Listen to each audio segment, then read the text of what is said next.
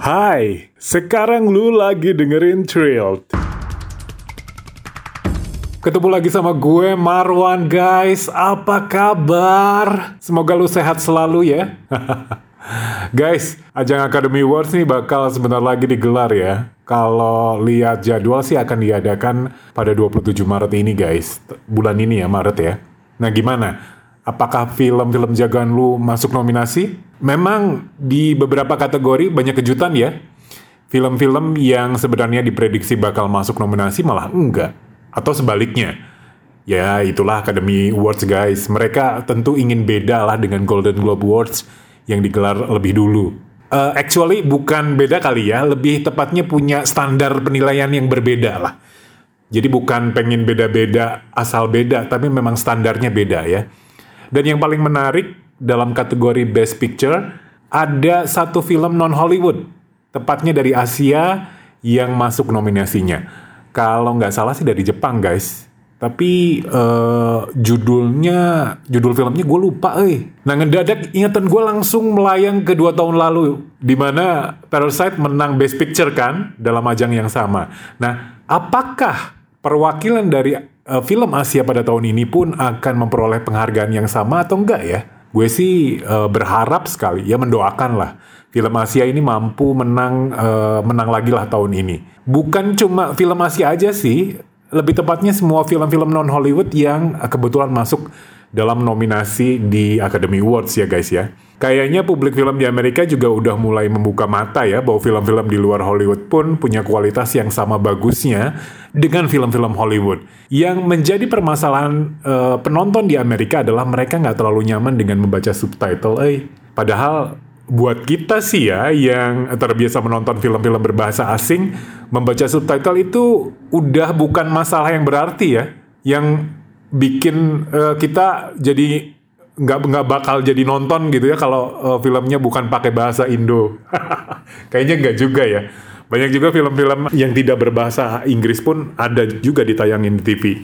Ngomongin tentang film-film non Hollywood ya guys ya, memang nggak semua nyaman menontonnya ya. Beberapa orang yang gue kenal memang ada yang anti banget ada juga yang toleran asal bagus dan uh, ada juga yang ya nyaman-nyaman aja kok asalkan pakai subtitle Sebenarnya publik film di Indo ini udah terbiasa sih dari dulu dengan film-film non Hollywood ya. Kayak film-film India, Mandarin, Jepang, Amerika Latin. Even yang terakhir ini sering didubbing ya guys ya. Tapi pada awal-awal film Amerika Latin yang tayang di TV nasional kan sempat tanpa dubbing juga. Tapi nyaman-nyaman aja kok. Orang-orang banyak yang nonton. Dan kalau sekarang sih banyak di TV nasional memutar film-film serial Korea, uh, apa namanya drakor lah istilahnya ya, drakor, drama Korea, dan juga Turki ya, dari uh, serial dari Turki. Bahkan beberapa TV nasional sama sekali nggak mendabing loh film-film dari kedua negara itu, dan udah bisa ditebak penontonnya tetap banyak aja. Jadi emang uh, penonton di Indo itu udah nggak asing sih dengan film-film non Hollywood tapi biasanya beberapa film itu bukan film lepas ya guys ya, melainkan serial yang genrenya juga masih bisa diterima oleh penonton di Indonesia kebanyakan. Kayak romance, horror, atau komedi atau perpaduan dari keduanya atau ketiganya. Jangan harap deh ya kalau genre thriller ini yang sedikit kompleks gitu ya bakal diputar di TV nasional ah pasti langsung pada kabur tuh penontonnya ratingnya turun deh. Akhirnya diputus secara mendadak tiba-tiba. Belum beres serialnya udah tahu-tahu hilang aja nggak tahu ke mana. Kebiasaan ya di Indonesia kayak gitu. Jadi mungkin kalau nonton film dan semuanya menggunakan bahasa non English, kayaknya penonton Indo jenuh kali ya. ya ini ini baru asumsi ya guys ya, baru asumsi gue. Kalau lu nggak nyaman nonton film non Hollywood tuh karena apa sih guys? Apakah karena bahasanya atau bintang-bintangnya yang lu nggak kenal dan kadang nggak good looking atau karena ceritanya? Banyak faktor kali ya. Kenapa suka dan enggak gitu ya. Nah pada episode kali ini gue akan cerita film non Hollywood. Kali ini gue akan mengajak lu nonton film dari Iran guys. Ini jarang-jarang gue bakal cerita tentang film dari negara ini. Judulnya About Ellie yang dirilis pada 2009 lalu, udah agak lama ya.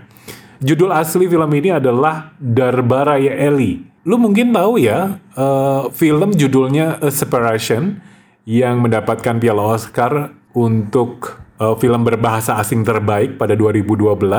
Nah, kedua film itu disutradarai oleh orang yang sama guys, yaitu Asgar Farhadi. Gue ngebayangin Iran itu apa sih negara yang penuh konflik ya, dan kayak tertutup gitu ya tapi ternyata film-filmnya menarik buat diikutin juga loh, bagus-bagus loh. Tapi ya gue jangan-jangan gue sa salah salah dugaan aja ya. Apa karena gue cuma nonton film-film karya Farhadi aja kali ya? Gue baru nonton dua dua film ya. Uh, sisanya kan ada banyak sebenarnya. Tapi gue belum nonton semua. Padahal banyak juga loh film-film yang jelek juga di Iran. Gue yakin ya sama aja lah kayak di Indo ya. Ada yang bagus, ada yang jelek.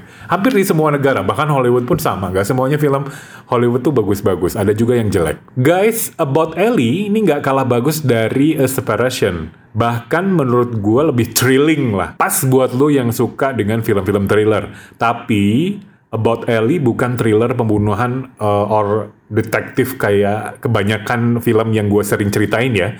About Ellie ini lebih ke thriller psikologis guys. About Ellie dimainkan oleh aktor-aktor Iran yang juga sering bermain dalam film-film yang disutradarai oleh Asgar Farhadi kayak Shahab Hosseini, kemudian juga ada Merila Zarei, ada juga Paiman Maadi, plus satu aktris Iran yang udah go internasional ke Hollywood, si cantik Golshifteh Farahani. Dia ini sering main di film-film Hollywood. Adalah beberapa ya. Gue lupa judul-judul filmnya. Tapi bukan film film art movie gitu atau film independen. Bener-bener film box office. Jadi dia main di situ. Even nggak menjadi bintang utama, tapi dia sering muncul di film-film Hollywood. About Ellie ini menceritakan tentang persahabatan yang rata-rata sudah menikah dan punya anak. Mereka melakukan liburan uh, bersama di sebuah villa di tepi pantai. Nah, mereka adalah Sepide dan suami, kemudian juga ada Amir dan putrinya, lalu ada Payman dan istrinya, ada juga Shohreh dan kedua anaknya, kemudian juga ada Mon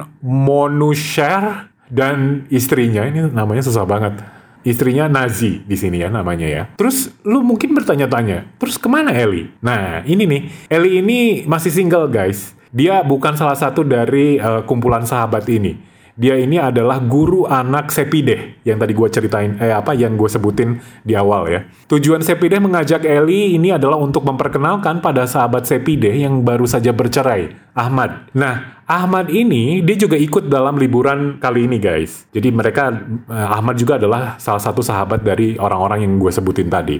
Harapan Sepideh tentunya Eli dan Ahmad ini berjodoh karena Ahmad baru saja bercerai dan Eli masih single. Apalagi mungkin pikir dia kayak gitu. Nah seperti liburan-liburan pada umumnya, uh, kumpulan sahabat ini bermain-main, tentunya bermain game, kemudian ngobrol sepanjang malam gitu ya. Tapi karena Eli ini nggak terlalu mengenal ya dalam kumpulan sahabat ini, dia sering diem tuh dan lebih banyak menghabiskan waktu sendiri. Tapi yang jadi pertanyaan, apakah perjodohan dengan Ahmad ini akan berhasil? Jawabannya sih bisa iya bisa enggak ya karena masih masih jadi misteri. Karena even Ellie kayaknya sih menyukai Ahmad, tapi nggak tahu kenapa Ellie seperti masih menyimpan misteri. Nah itulah yang menariknya, masih menyimpan misteri. Sama halnya kayak uh, Separation, Asgar Farhadi ini nggak pernah membuat film dengan tema-tema yang apa ya, yang ekstravaganza yang berat gitu guys. Tema-tema yang diusung Farhadi adalah masalah-masalah yang sering kita jumpai dalam kehidupan nyata Bahkan lu pernah mengalaminya. Kalau di Separation ini mengangkat tema perceraian, tapi ternyata begitu kompleks ya, nggak se, se segampang yang lu bayangkan gitu ya dalam uh, film-film perceraian kebanyakan. Nah dalam About Ellie, masalah yang diangkat adalah misteri seorang Ellie. Bahkan Sepide yang mengajak Ellie pun nggak mengetahui latar belakang Ellie lebih dalam. Kedekatannya adalah karena Ellie adalah guru anak Sepide. Selebihnya mereka belum mengenal satu sama lain. Kalau dibandingkan dengan Ya ini kalau dibandingkan dengan uh, Sepida mengenal teman-temannya tentunya ya. Sampai setengah jam film berjalan, About Ellie ini sama sekali belum menampakkan ini sebenarnya akan menceritakan tentang apa sih film ini gitu ya. Film ini cuma berisi keakraban persahabatan Sepida dan kawan-kawan aja, cuma uh, ya ngobrol, bermain games. Hanya yang paling menarik adalah kamera sesekali mengarah pada sosok Ellie yang misterius. Nggak banyak bicara dan sedikit canggung Ellie ini ya. Dia cantik, tapi karena mungkin nggak akrab ya dengan teman-teman Sepide, jadi ya sedikit canggung gitu. Polos, lugu gitu ya si Ellie ini. Film ini mengalir membuka sedikit-sedikit tentang apa yang sedang mereka bicarakan dan mereka lakukan sampai pada sebuah titik yang membuat film ini mulai sedikit thrilling gitu ya. Setengah jam cukup. Setul, sesudah itu thrilling gitu ya. Sesudah itu kita akan berdebar-debar. Yang membuat berdebar-debar adalah ketika Ellie tiba-tiba menghilang tak berjejak hilang, bener-bener hilang. Eh ada deng, jejaknya adalah ponselnya ya, ponsel si Ellie ini. Nah tentunya liburan yang seharusnya menyenangkan malah menjadi misteri dong, dan kepanikan, kepanikan dari orang-orang yang ada di dalam film ini itu nggak bisa terelakkan lagi. Dari kejadian menghilangnya Ellie ini, karakter setiap orang dalam film ini menjadi sangat terlihat. Karakter asli ya. Ada yang cuma bisa menyalahkan, ada juga yang gampang marah, ada juga yang hanya lebih banyak diam dan karakter lainnya pun ada ada banyak ya. Nah perdebatan-perdebatan siapa yang salah dan benar ini nggak bisa dihindari guys. Dan inilah yang bikin film ini menarik. Selain jalan cerita yang penuh kejutan dan sulit ditebak, About Ellie pun tentunya didukung oleh kualitas acting dari para aktornya. Gue salut sama aktor-aktor yang mampu bermain dengan sangat alamiah seperti kayak nggak menghafal naskah. Ya, ini terjadi dalam film ini, dalam About Ellie. Dari obrolan-obrolan mengalir mereka sampai perdebatan bertubi-tubi yang mereka lontarkan, gue seperti ikut terlibat guys dan berada di antara mereka. Gue hanya bisa menyaksikan dan gue juga gak bisa menebak siapa yang salah dan siapa yang benar. Karena kejadiannya begitu mendadak dan sangat, ya bikin panik gitu. Kenapa tiba-tiba Ellie menghilang gitu? Ke mana Eli gitu. Banyak pertanyaan-pertanyaan seperti itu. Dan gue pribadi nggak bisa menyalahkan siapa pun. Dan gue juga nggak bisa membela siapa pun. Karena ya itu tadi, mungkin arah film ini memang akan dibawa ke situ. Pada akhirnya, gue dengan sukarela akan ngasih 4 bintang dari 5 bintang untuk About Ellie. Hmm, entah kapan lagi gue bisa menemukan film seciamik ini, 10 tahun pun gue nggak yakin bakal menemukan film dengan kualitas yang sama. Guys, tertarik buat nonton? Tonton aja. Judulnya About Ellie. Oke, segitu dulu guys cerita untuk episode kali ini. Minggu depan gue bakal cerita lagi dengan film yang berbeda lainnya. Thanks udah mendengarkan guys.